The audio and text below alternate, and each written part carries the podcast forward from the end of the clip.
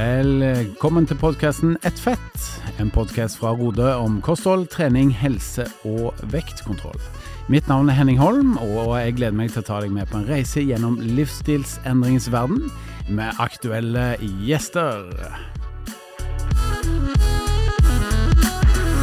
Hei og velkommen til ny episode av denne podkasten Ett fett. Karoline heter jeg. Og jeg har da kastet ut Henning og Halvor i denne episoden her, og ønsket tre flotte damer velkommen inn. Eh, det er eh, Maria, først og fremst, vår eh, kjente rodeveileder, som vi har hatt besøk av her tidligere. Velkommen, Maria. Tusen takk. Så har vi hatt eh, mulighet her til å få besøk også av hennes medlem, eh, som heter Ragnhild, som har gått på veiledning hos eh, Maria, men som da også har gått på vektreduserende medisin. Velkommen, Ragnhild. Takk skal du ha. Og så har vi i tillegg fått besøk av legen til Ragnhild, som har fulgt Ragnhild opp mens hun har gått på vektreduserende medisin. Velkommen til deg, Trine. Tusen takk. Så vi skal i dag skravle løst og fast om dette her med å gå på vektreduserende medisin, Uh, samtidig som man går da på, på Rode, følger Rode, har et Rode-opplegg rundt seg. Så det gleder jeg meg til å snakke om. Men først og fremst, dere, så har jeg lyst til å bare liksom varme opp litt, ta en smalltalk rundt, rundt bordet, og snakke om dette her med at vi lever i et fedmefremmende samfunn. Vi går jo rundt og har spenstige og gode tilbud rundt omkring overalt rundt oss. Og vi er jo, vi fire damer som sitter her nå, vi har ganske ulik bakgrunn, vi har ulik vekthistorikk, vi er forskjellig alder. Hvordan er det vi forholder oss til dette her i det daglige? Jeg begynner med deg, Ragnhild, som da har vært medlem og gått på vektreduserende medisin, eller kanskje går fortsatt, dette skal vi finne ut av snart. Men hvordan forholder du deg til dette, disse tilbudene overalt? Det er jo lett når du går i matvarebutikkene. Du blir jo bombardert med all verdens eh, tilbud på ting som jeg ikke har så godt av. Eh, men jeg, noen ganger så kan jeg jo også føle meg bedre ved bare å ta et blikk på hva noen velger å putte opp i handlevogna si. Eh, og tenke at de valgene jeg tar er også gode.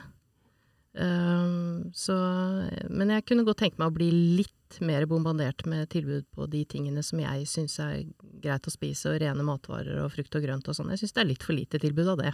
Ja, det er altfor lite. Jeg er så enig. Trine, hva tenker du, legen? Nei, jeg tenker jo at vi er jo fysiologisk programmert til å spise når det er mat tilgjengelig. Og nå er det mat tilgjengelig hele tiden. Det er 24-7 og døgnåpent, og vi pushes på Det pushes sukker og chips og snacks. Så jeg er helt enig med Ragnhild. Skulle veldig gjerne hatt mer tilbud på frukt og grønt og sunne matvarer. Mm.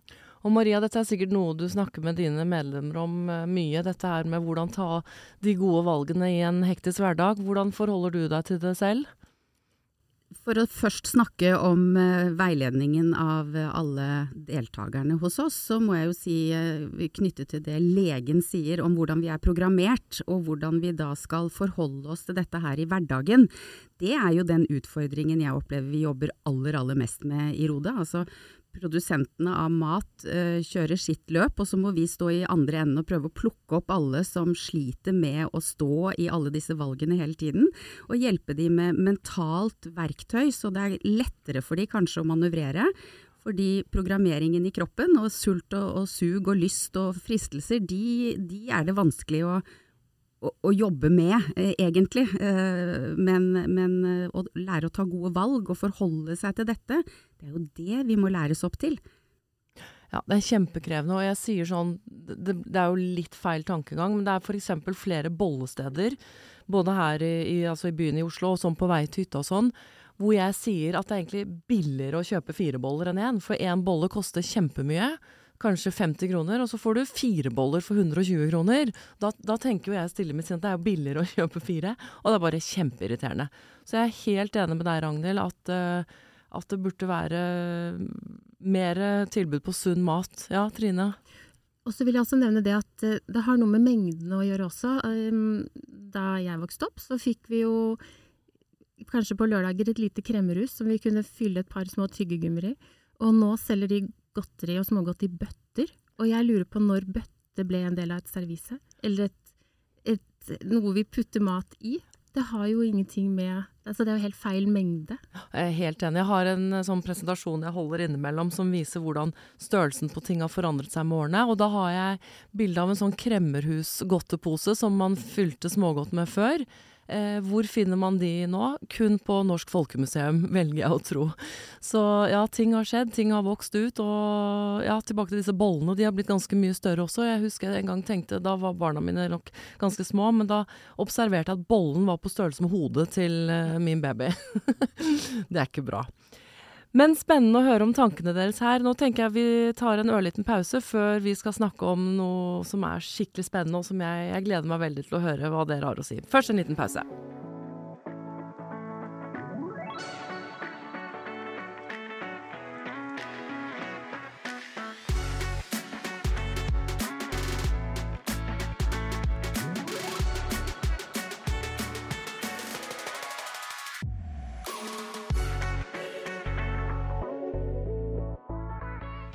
Ok, tilbake igjen. Vi skal da også snakke om eh, først og fremst Ragnhild, som har gått på, blitt veiledet av Maria, og som samtidig har gått på vektreduserende medisin.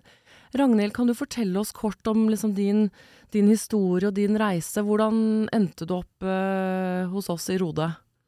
Jeg kan si hvordan jeg endte opp hos Maria, men eh, ja. jeg har vært gjennom eh, Altså det med vekt har alltid vært et eh, issue, det har alltid vært et tema i livet mitt. Uh, og så har jeg Jeg tenker jeg vil kalle meg en sånn her frequent flyer, altså på Rode-metoden. Jeg har vært gjennom det ganske mange ganger. Og det har gått bra en stund, til det ikke går så bra. Og til vekten begynner å snike seg på igjen.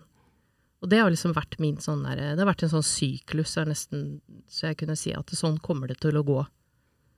Og så har det vært litt annerledes nå, som jeg har valgt å bruke det heter vektreduserende medisiner, men jeg har lyst til å lansere det mer som appetittdempende mm. medisiner. Fordi det er ingenting som skjer av seg selv, selv om du går på de medisinene. Nei, det er helt, helt riktig, og det vet jeg vi skal snakke litt mer om etter mm. hvert. Men da begynte du hos Maria. Hadde du kjennskap til henne fra før av, eller? Ja, jeg har gått noen runder ja, hos henne, ja, så jeg har sånn ja. klippekort. Eh. Ja, så det var ikke et nytt medlem, eh, Maria, som dukket opp uh, på veiledningskontoret ditt? Ikke et nytt, men et veldig kjært medlem. Ja. Han blir jo kjent på rodekurs, og Ragnhild eh, var jeg veldig glad når tok kontakt igjen og, og sa at nå vil jeg ta en runde. Har dere jobbet sammen én til én, eller har du gått i gruppe hos Nei, Maria? Jeg har gått i gruppe. Mm, mm. Mm, mm. ja. Og øh, når er det du da begynte nå, denne runden her? Høsten i 2022. 2022, ja, ja. akkurat. Mm. Og så har du da gått nå en stund da hos Maria, og så har du da på et eller annet tidspunkt tenkt at det ikke gir nok, eller hvordan kom vektreduserende medisin inn i bildet? Nei, det var etter en, ja, hva skal jeg si, fem måneder, tenker jeg. Mm. Sånn ut på ca. et år siden, altså etter jeg hadde gått der i fem måneder, så hadde syns jeg liksom at det stopper opp på et eller annet tidspunkt. Og jeg tenker at jeg gjør alle tingene etter boka, og så bare stopper opp. Og så skjer det ingenting. Og da begynner jo liksom min motivasjon å bli ganske tynnslitt etter hvert, ikke sant. For da skal jeg ha alle disse her kampene jeg må ta hele tiden med, med selvkontroll i forhold til hva jeg skal spise og ikke spise, og alle disse dialogene og kranglinga inni hodet og ja, all støyen, da. Mm.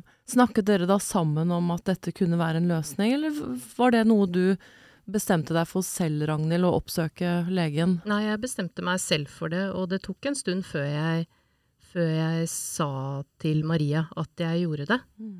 Og det handler jo vel så mye om det at uh, det er mye stigma i samfunnet rundt dette med å ta disse medisinene. Uh, selv om jeg sto godt i mitt valg, så tenker jeg at jeg ikke trengte alles meninger om det. Og så visste ikke jeg på det tidspunktet hva slags holdning Rode hadde til det heller. Eh, for det var ikke blitt snakket noe særlig om. Så, men når jeg på en måte følte meg klar, så sa jeg det og fortalte hvordan det var, og fikk da også muligheten til å si det på i den gruppa jeg går, da. Og da kan jeg bare fylle på med en gang. Hvis noen som helst av de som lytter på her, lurer på hva, hva vår holdning er, så er det at vi er veldig for å kombinere dette her med vektreduserende medisin og rodeveiledning, rodeoppfølging. Og vi vet jo det at for å lykkes med, med disse medisinene, så må man jo gjøre endringer i livsstilen. Men da har jeg lyst til å kaste ballen videre til, til legen, til Trine. Hva kan du på en måte bare si litt kort om, ha en litt sånn generell prat om disse medisinene? Hva er de, og, og hvor mye går man ned, og osv.? Ja, det jeg kan si er jo at det finnes jo flere ulike typer medisiner, men det er jo én medisin som utmerker seg som å være den mest effektive, i hvert fall per i dag. Eh, og det er jo den som går under handelsnavnet Vegovi, eh, mens virkestoffet er det som heter semaglutid. Semaglutid, det, altså medisinen etterligner det hormonet som vi selv produserer i tarmen i forbindelse med måltider, uh, og som da er en budbringer opp til appetittsenteret for å gi beskjed om at vi har spist mat, og at vi da ikke trenger å spise mer mat. Og så er det jo veldig individuelt hvordan vi, både liksom, hvor mye vi produserer, og hvordan vi nyttiggjør oss av dette hormonet som vi produserer selv. Sånn at ved å da få et liten påfyll, litt ekstra av dette hormonet, så er det da færre reseptorer oppe i appetittsenteret som står og hoier og lager støy. Og det vi opplever da, eller de som tar medisinene, det de opplever, er jo at de får mindre sult, mer metthetsfølelse, og at det er lettere å ta bedre valg.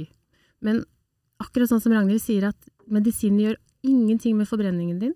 Gjør ingenting med altså de, de, gjør ikke at du automatisk går ned i vekt, men de gjør at du lettere kan ta bedre valg og spise sunnere. Og mm.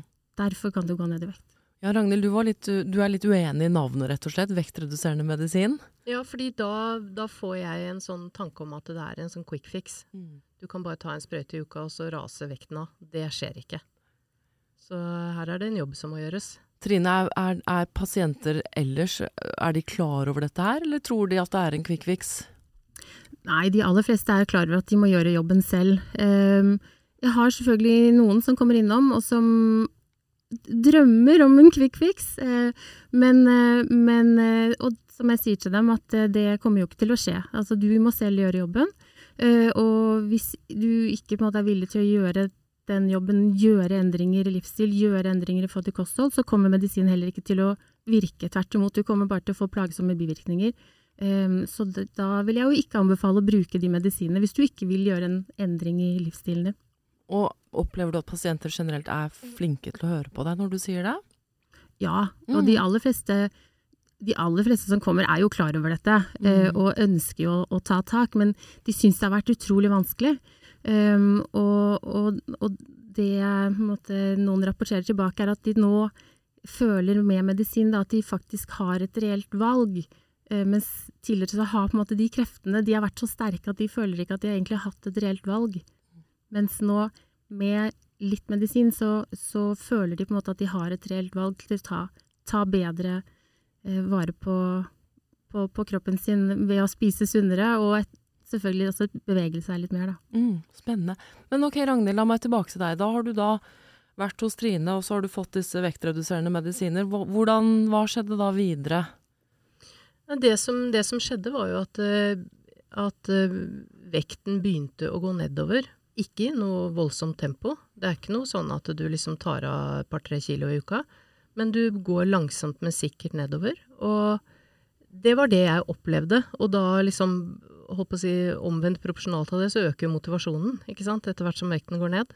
For å også gjøre endringer eh, i holdninger og i Da begynte jeg å få, å få, muligheten til å ha fokus på andre ting, da, enn denne her evige støyen oppi hodet. Mm.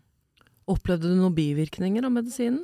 jeg har hatt veldig lite bivirkninger, men jeg tror, jeg tror også det henger sammen med at jeg i utgangspunktet hadde jo vært under eh, Rode-regimet i eh, noen måneder, og dermed så var jo også mitt kosthold eh, regulert og i en sunn, i utgangspunktet sunt kosthold, og som da ikke trigger kanskje mange av de bivirkningene som mange opplever, da. Mm. Hvis de fortsetter å spise pizza og pølse, liksom, og gå på de medisinene som Trine sier, så blir du dårlig. Mm.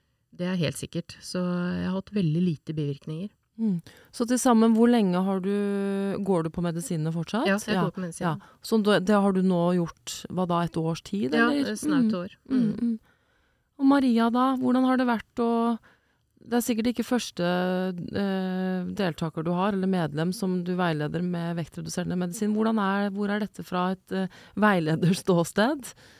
Nei, først og fremst så må jeg jo si at eh, det å tørre å fortelle om det, sånn som Ragnhild etter hvert gjorde, da, eh, er viktig. Fordi at uten å være klar over at dette er et eh, støtteapparat i tillegg, og så oppleve at når jeg kjenner Ragnhild sin prosess i forkant av dette, begynner å stoppe litt opp, som hun selv forteller, og så plutselig begynner hun å gå mer ned igjen i en litt uh, mer jevn uh, kurve, da, så er det jo uh, veldig viktig at jeg forstår litt hva, hva, som ligger bak her, for å kunne møte henne og veilede henne videre på det hun da trenger. Som hun er litt inne på selv også, litt mer rom nå plutselig for å jobbe med det mentale, med holdninger, med sannheter og overbevisninger knyttet til mat og valg, da.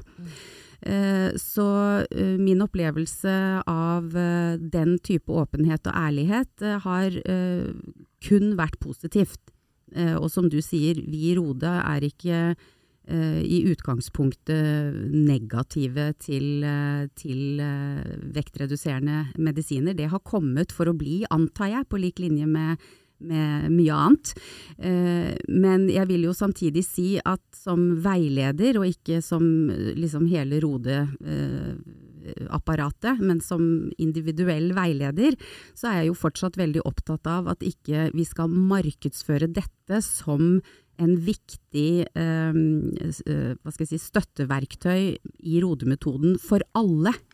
Jeg tenker jeg er veldig positiv og har opplevd veldig mye positivt rundt de som virkelig trenger dette for å komme videre. De som trenger dette for å, å oppleve at uh, de ikke bare får det til så langt, og så stopper det opp, og så opplever man at man mislykkes, og så går man tilbake igjen. Jeg tror det også er en slitasje for uh, veldig mange. Så det å få, få, denne hjelpen til å kunne komme videre over den kneika, kjenne på mestring, kjenne på ro, kjenne på tillit og tro på at denne gangen skal jeg få det til, det støtter jeg jo veldig. Mm. Har, du, har, du, hatt en økning i medlemmer som har kommet til deg, som går på vektreduserende medisin, de siste få årene?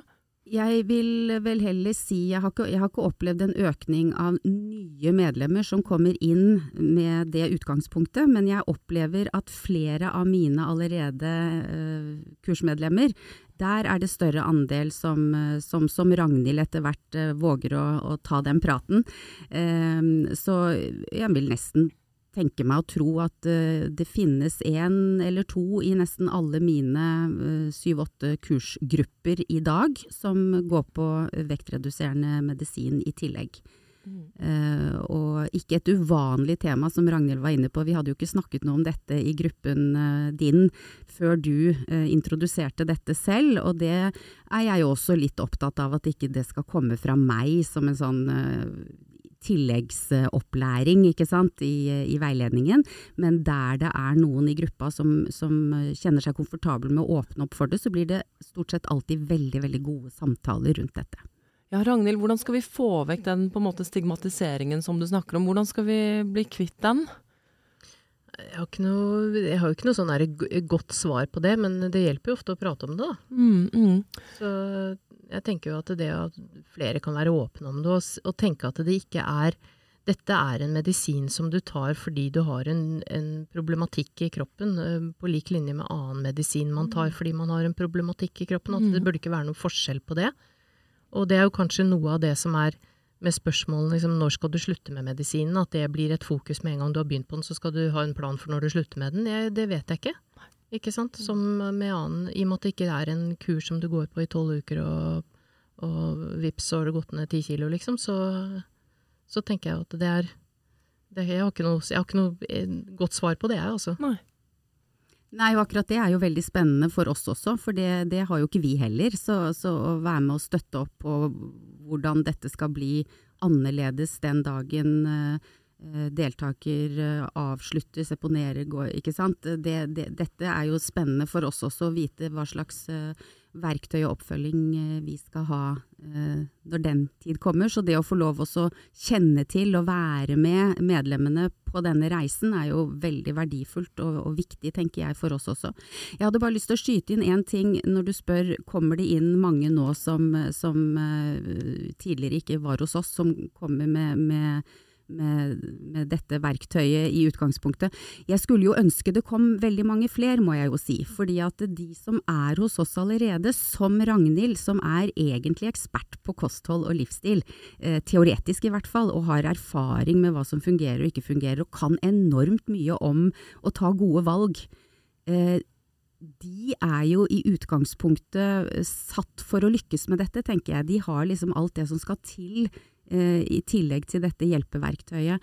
Alle de som bare settes på eh, medisin i utgangspunktet, som kommer utenifra og ikke har kompetansen, ikke kanskje egentlig har viljen og lysten heller til å endre så mye på kostholdet, de er mer opptatt av, av, vekten isolert sett. Det er jo de jeg virkelig sitter og lengter etter at skal komme inn og si kan du hjelpe meg på veien. Men da har jeg lyst til å kaste ballen til legen igjen. Eh, Trine, hva Eh, de pasientene du får som eh, får eh, som begynner på vektreduserende medisin, opplever du at de fleste tar tak i denne livsstilsendringen på egen hånd? Eller hvordan går de fram med å endre på livsstilen sin? Det er jo veldig individuelt hvilket utgangspunkt man kommer med. Jeg opplever at veldig mange har prøvd veldig mye fra før. Altså de har gjerne prøvd ja, de har vært innom Rode. Eh, de har prøvd intermitterende faste, de har prøvd lavkarbo. Og så har de opplevd at det er mye som har fungert akkurat mens de har holdt på. Men så kommer livet litt i veien. Eller det kommer en jul, en bursdag, eh, og så faller man litt ut av det. Eh, og så er på en måte alt litt tapt, og så er, det mye skyld og skam, og så er det på'n igjen. Så mange kommer med mye kunnskap. Og det, og, og, da er det på en måte viktig å bygge videre på det, ikke sant. Eh, og sånn som vi har vært innom flere ganger nå, at den medisinen, den, det, det, er ikke noen mirakelkur. Eh, og det som er viktig, er jo å påpeke at den gjør det mulig for deg å kunne jobbe med disse gode valgene. Og derfor er jeg helt enig om at det å kombinere eh, med eh, Rode eller måte, andre verktøy for å jobbe med de livsstilsendringene, det er jo det er jo det som er viktig i denne prosessen, sånn at du eh, underveis sant, jobber med kostholdet, får inn bedre vaner. Eh, for det er jo det som er, for å bruke et eh, populært ord for tiden, bærekraftig, da, i forhold til at dette er noe som kan vare, og ikke bare være en sånn kortsiktig kur. Mm, og Maria, dette her, eller Ragnhild kan jo kanskje si, eh, skal spørre Ragnhild om det nå, for det er jo vi vet jo det at i veldig mange tilfeller så er det jo på en måte Man må jo gjerne jobbe litt med det som foregår i topplokket også. Det handler ikke bare om maten, ikke sant. Har du lyst til å kommentere det på en måte, og hvordan du og Maria har jobbet sammen om det? Jeg har i hvert fall eh, lyst til å, å, henge meg litt på det Trine sier også, i forhold til det at du eh, Altså det, det dette si, prosjektet da, har gjort med meg, er jo at jeg nå nå ser jeg at det er en mulighet for at jeg skal kunne få en varig endring det håpet har jeg, jeg, Når jeg ser tilbake, så tror jeg kanskje det er noe av det håpet jeg har, ikke har hatt i de tidligere prosessene. da. Hvor jeg har på en måte gitt meg fordi at jeg har liksom ikke sett og tenkt at dette nytter ikke, eller uh, hatt en sånn type innstilling i det. Uh, og nå så ser jeg at det nytter, og det gir meg et håp om at da, nå kan jeg finne en måte som jeg kan få en bærekraftig utvikling i dette prosjektet, da. Mm, mm. Og jeg syns jo det har vært sånn i forhold til uh, de, uh, den gruppen som jeg går i med Maria som veileder, så tenker jeg jo at uh, det har jo vært spennende grupper. Nå vet ikke jeg hvordan de andre gruppene er, men det har i hvert fall vært spennende grupper fordi at vi har tatt opp mye av de mentale, mentale prosessene. Og ikke bare basert på det at jeg går på de medisinene, men alle disse andre mentale prosessene som vi driver med. ikke sant? Og at du prøver å avlive alle disse mytene og sannhetene vi har om oss selv, at vi kan ikke gjøre ditt og vi kan ikke gjøre datt, ikke sant. Og det tenker jeg at det har vært, det syns jeg har vært en veldig Det er spennende prosesser, og som også skaper bærekraftige løsninger, da. Jeg vil gjerne skyte inn det at sant, vi har jo en fedmeepidemi i samfunnet, i den vestlige verden. Opp mot 70% av den norske befolkningen har jo for høy BMI. Um, og det er jo ikke fordi 70 av befolkningen ikke har kunnskap eller mangler viljestyrke.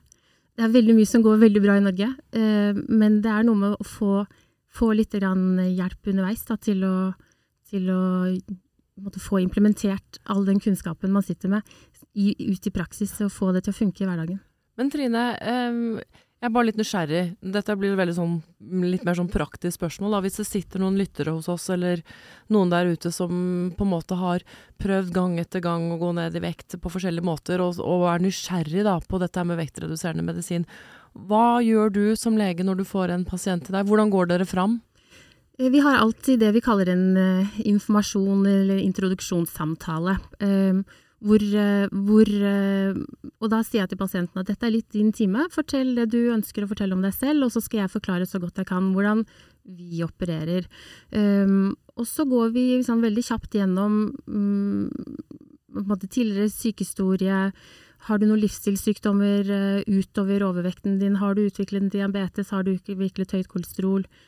snakke fort om hva som er i slekta. ikke sant? Har du mye overvekt i familien? Har du mye livsstilssykdommer i familien? Um, og så um, forteller jeg litt av hvordan vi jobber, at vi har fokus på både kosthold og fysisk aktivitet. Men der hvor det er indikasjon for det, altså de som si, tilfredsstiller kriteriene, da, eh, at vi da bruker disse medisinene som et eh, verktøy underveis. Eh, og så, hvis pasienten ønsker det, og hvis måte, det ikke er noen kontraindikasjoner, så setter vi opp det vi kaller en førstegangskonsultasjon. Som, da har vi jo satt av 90 minutter, så går vi på en måte grundig gjennom hele, hele sykehistorien og vekthistorien og hva man har prøvd før. Og veier og måler og tar blodprøver og og når er det du sier til en pasient at nei, du kan ikke gå på vektreduserende medisin? Hva er eh, kriteriene for det? Nei, i utgangspunktet så er det jo, det er jo BMI-krav. Og selv om BMI i utgangspunktet egentlig er et dårlig verktøy, fordi det er jo bare kilo fordelt på centimeter, og det sier jo ingenting om hva de kiloene inneholder, eller hvor de sitter på kroppen, um, så er det noen BMI-krav som er satt. Eh, og det er at du må enten ha BMI over 30 eller BMI over 27 hvis du i tillegg da har høyt kolesterol, høyt blodtrykk, søvnapné blant annet. Da. Mm, mm. Så det er først og fremst der det går på, ikke sant? Ja. Så for å si det sånn, hvis det kommer en jente på 20 år og BMI 25, ikke sant, så er jo det Da må man jo ha en god prat, men da er det jo ikke aktuelt med noe medisinsk behandling. Men jeg tenkte først og fremst på, sant, hvis det kommer da, eller noen som tilfredsstiller BMI-en da, men er det noen andre tilleggssykdommer eller tilstander som gjør at det kan bli vanskelig, eller å kombinere det med vektreduserende medisin, eller opplever du stort sett at det er noe du, du, du gir dem? Nei, det fins noen, noen kontraindikasjoner. Det er um, blant annet hvis du eller en i nærmeste familie har, en, har eller har hatt en veldig sjelden form for kreft i skjoldbruskkjertelen. Det er en kontraindikasjon. Mm. Da skal man ikke bruke det. Men ikke veldig vanlig. Det er jo ikke veldig, veldig vanlig. Det er ikke en folkesykdom, så det er, veldig, det er relativt sjeldent. Ja. Um, og så er det hvis man har um, en kronisk bukspyttelkjertelbetennelse, eller har tidligere hatt det, så skal man være litt forsiktig. Ja, Ikke veldig vanlig det heller, med andre ord. Nei, så, så, det er jo um, relativt um, Ja, det er ikke noe sånn veldig mange kontraindikasjoner. Nei, nei. Og hvordan har dere nå, Ragnhild, eh, hvordan har du og Trine nå jobbet sammen nå mens du har da gått på vektreduserende medisin? Hvor ofte ses dere, og hva gjør dere da? Trenger ikke å si alt, men bare sånn kort oppsummert, Ragnhild? Nei, det, det som jeg opplever da, det er jo at jeg har hatt denne kontinuerlige oppfølgingen sånn på det somatiske, altså sånn og har tatt blodprøver jevnlig, sett at verdiene, de verdiene som skal gå ned, går ned. Og, så det har jo vært en sånn jevnlig oppfølging. Blodtrykket og kolesterol og alle disse tingene som langtids blodsukker og sånn som har blitt målt. Mm, mm. Så det har vært en kontinuerlig oppfølging. Og hva er det da? Er det på en måte månedlig, eller er det Ja, det var litt uh, hyppigere i begynnelsen, mm, ikke mm. sant. Og så kan jeg nå la det gå litt lengre tid. Nå kan det kanskje gå noen måneder mellom hver gang. Ja, ja. Og Ragnhild, jeg har jo skrevet her som notat, og det har jo du egentlig allerede svart på, ikke sant. Hvordan blir veien videre? Når skal du slutte på medisin? Men det har du egentlig svart på allerede. Men eh, ja, så du tenker bare å ta en dag av gangen og um ja, jeg er jo i dialog med Trine på mm. det, liksom. Hvordan man eh, Og dette er jo ikke sånn Det finnes jo ikke Dette er jo ikke liksom De har jo ikke holdt på med disse medisinene for denne type indikasjoner så fryktelig lenge, sånn at man vet jo ikke sånn hvordan skal dette utvikle seg, og så er det et individuelt løp. Og jeg vet ikke hvor lenge jeg kommer til å gå på de medisinene, og jeg tenker at det, det får bare ta tiden. Hva tenker du om det å slutte da, på medisin, Ragnhild? Nei, jeg tenker jo at øh, jeg er jo liksom Jeg er jo i en sånn vekt nå hvor jeg egentlig kanskje kunne ha kunne ha liksom kuttet ut det, medisinene, men jeg tenker at det skal jeg ikke gjøre akkurat nå. Og det handler om at jeg syns ikke at jeg har fått på plass alle de strategiene på det mentale planet. Uh, og det er, de på, det er jo de jeg jobber med nå. Nå har jeg fått rydda unna alle de der støyen oppi hodet og kan jobbe med de mentale prosessene, og de er ikke, der er jeg ikke 100 ennå. Stadig vekk så ryker jeg på en smell, og det er liksom Sånn er livet, ikke sant. Men, uh, men jeg lærer litt for hver gang. Og da hjelper vel du, Maria, til også å se når hun kan bli klar for dette her, eller uh, hva tenker du?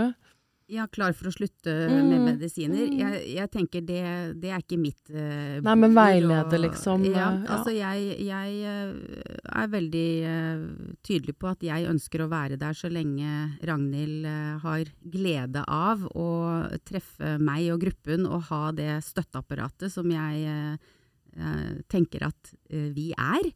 Og så, som hun sier selv, så er det jo, eh, er det jo ikke heller sånn med de mentale eh, strategiene eller eh, eh, løpene våre at det Å ja, da ble jeg klar over det, og da er det ordnet, liksom. Det, det er jo Mye kommer jo tilbake igjen i annen form. Vi eh, møter nye situasjoner og utfordringer hvor en del av disse eh, utfordringene eh, dukker opp igjen, og så, og så har vi selvfølgelig utviklet og lært oss eh, måter å, å møte de på som kan være mer hensiktsmessige enn de var tidligere, men som fremdeles er utfordringer vi, vi ser vi, eh, vi må jobbe med. Altså sårbarheten rundt, rundt valg i forhold til tilbud. Mm. Men Trine, det jeg er nysgjerrig på, opplever du at blant pasientene dine at de, de syns det er skummelt å skulle slutte på vektreduserende medisin? Ja, mange er nok eh, altså, Fordi at de aller, aller fleste føler at dette er en veldig god hjelp. Eh, de føler at En ting er at det hjelper dem å regulere sant, appetitten, men, men dette vektprosjektet har jo ofte tatt utrolig stor plass i veldig manges liv. Og det har vært ikke sant, sånn fokus på å planlegge og hva man skal, og hva man absolutt ikke skal, og hva man burde og hva man skulle. Og så opplever veldig mange at det hjelper dem med å få litt mer ro. Eh, litt mindre matstøy, eller litt mindre støy. Så veldig mange har det på en måte litt, de har, litt, har det litt eh, bedre sånn generelt på den medisinen. Presisere at det er de som da har, måtte, har mye på en måte, matsted i utgangspunktet. Eh, så de syns nok det kan være litt skummelt. Um, men sånn som Ragnhild sier, at dette er et veldig individuelt løp. Um, og, og måten vi jobber på én til én, eh, er jo det at vi, sant, vi, vi jobber oss ned mot et mål. Og så vedlikeholder vi der en stund, og så ser vi da, kan vi begynne å trappe ned litt forsiktig. Hvor langt er vi kommet til de ulike prosessene? Hvor mye måte, har vi klart å endre av vaner og uvaner? Og så er det et veldig, veldig individuelt løp, hvordan vi trapper ned og eventuelt eh, seponerer eller slutter med medisin etter hvert. Og så er det jo dessverre, som vi snakket om før vi gikk inn i studio her, et kostnadsspørsmål også. Maria, du hadde noen tanker om det? Ja, at eh, hvis en i utgangspunktet opplever eh, eh, kostnaden som eh, hindringen til å i det hele tatt begynne å ta tak i dette her, altså skal jeg gå på et rodekurs, skal jeg gå på sånn og sånn, skal jeg gjøre det på egen hånd, eller skal jeg velge eh, medisin, så er det jo klart at eh, når, når jeg hevder at medisinen alene ikke er noen fiks, den trenger eh, et eh, eh, apparat ved siden av som handler om å, å skape eh, vaner og rutiner og forhold til mat og mengde som skal vare eh, om med medisinen, men også etterpå, så, så tenker jeg at eh, man kan nesten ikke vurdere det ene opp mot eh, det andre. Her er det etter mitt skjønn like viktig begge deler, og da, fordi det gjelder. Og da, da mm, eh, ja, da tenker jeg eh, Det må selvfølgelig være opp til hver enkelt, men, eh, men eh, å vurdere å bare gå på medisiner alene uten noe oppfølging på det, det tenker jeg er eh, et usikkert prosjekt. Mm. Ragnhild, du skulle si noe? Nei, ja, I forhold til det med kostnader, så, så jeg syns også det har vært veldig sånn i media så har det vært veldig fokus på at disse medisinene er dyre. Og ja, det er det. Det er dyre å kjøpe inn. Men samtidig så tenker jeg at det er å se det i et litt større bilde også, fordi eh, kostnaden eh, det, det, koster ganske mye å spise mye usunn mat også, ikke sant? Eh, det rydder du jo unna, så det driver du jo ikke med lenger. Og det koster Jeg har liksom Jeg har jo eh, altså redusert matmengden. Det jeg spiser av mat, altså det ser jeg jo på kosten Det er jo en kostnad også. Så, så, alt i alt så tror jeg ikke det kommer så gærent ut, da. Nei, og det er jo et veldig viktig poeng, og det sier jo medlemmer hos oss òg, at ok, de betaler for å gå på kurs og bli opp, fulgt opp, men de ser jo at de sparer så mye penger på maten fordi de spiser mindre og, og på en måte Ja, selv om den dyr, sunne maten dessverre er mye dyrere, men man spiser mindre mengder og tar bedre sunne valg. Ja, Trine? Ja, egentlig, ja, to kommentarer. Det ene er at jeg er helt enig med Maria. De som følger på en måte de som har eh, oppfølging utenom, i tillegg til medisinene, de ser vi jo mye bedre resultater på enn de som, som, er, som bare vil ha medisin som en quick fix og helst ikke vil følges opp på noe som helst måte. Så mye bedre resultater når man har en fast oppfølging. Eh, og nummer to, eh, det er mange som rapporterer akkurat det samme som Ragnhild, at ja, det er kostbart å gå på apoteket og hente ut medisinen, men de, de eh, tar det igjen på matbudsjettet. Ja, og så er det jo eh, egentlig også et interessant spørsmål hva, eh, hva er eh, pris på god helse, trivsel, velvære og ikke minst forsikring kanskje på eh, å unngå en god del av disse livsstils, eh, potensielle livsstilssykdommene eh, frem i tid. Det er klart det, det, Ragnhild holder på med nå, vil hun jo ha stor glede av senere i livet også. Det er jo hva Ikke minst. Og bare som en kjapp kommentar til det igjen, så viser jo studier da at eh, vektreduksjon eh, Altså de har studert eh, pasienter som bruker disse vektreduserende midler, og da ser de jo at eh, risikoen for hjerte-karsykdom eller livsstilssykdom med, med, hjerte og hjerteinfarkt og slag reduseres med opp mot 20 mm. Så det er klart at det er en investering i helse, og det er jo hvilken pris skal man sette på det. Ja, jeg er helt enig. Eh, så mange fine tanker og sånn. Jeg har litt lyst til å gå inn på for landing her, og så har jeg egentlig eh, lyst til å stille dere alle samme spørsmål. Det er hva, om dere kan liksom komme med et personlig råd eller anbefaling da, når det gjelder det å gå på vektreduserende medisin kombinert med Rode medlemskap. Ragnhild, kan jeg få spørre deg først om det?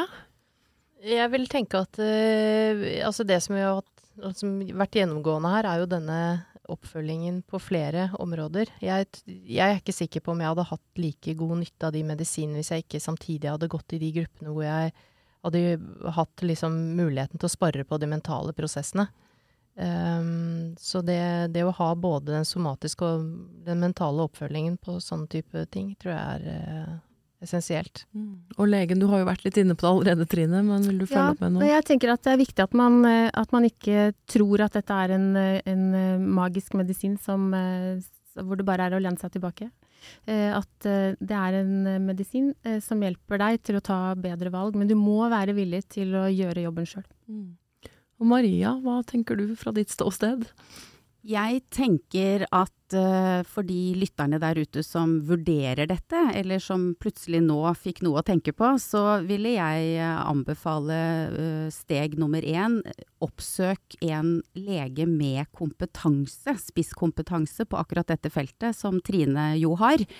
og ikke gå nødvendigvis bare til fastlegen din og forholde deg til de rådene og, og, og de Eh, reseptene du skulle kunne få mulighet til å hente ut der alene, med, med mindre du opplever at dette også er en, en eh, fastlege som har, eh, har, litt mer kompetanse på dette. For dette er et helt eget felt, er min opplevelse, og såpass ferskt og nytt at dette må, må legen også ha stor interesse for å lese seg opp og følge, følge nøye utviklingen av.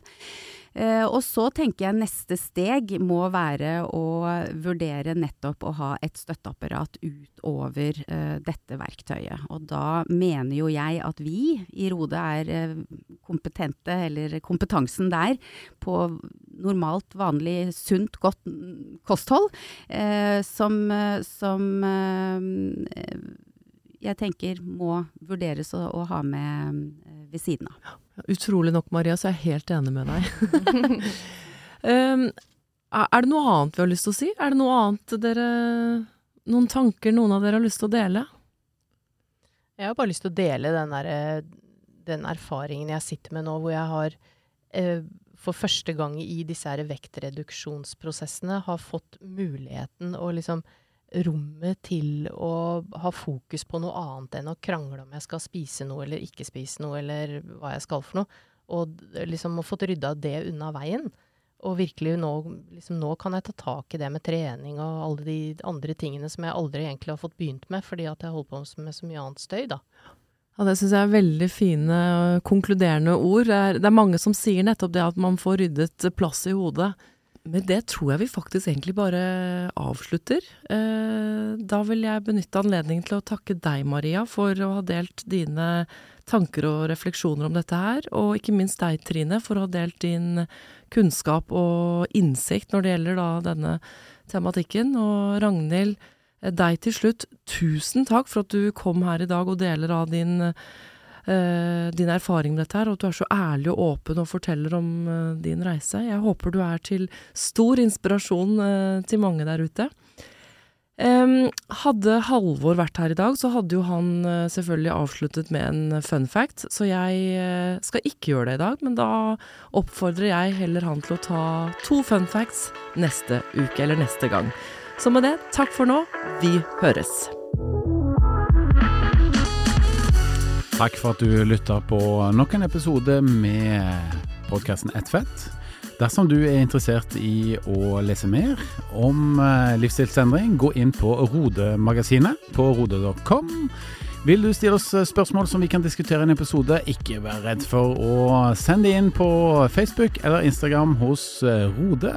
Til neste gang, vi høres.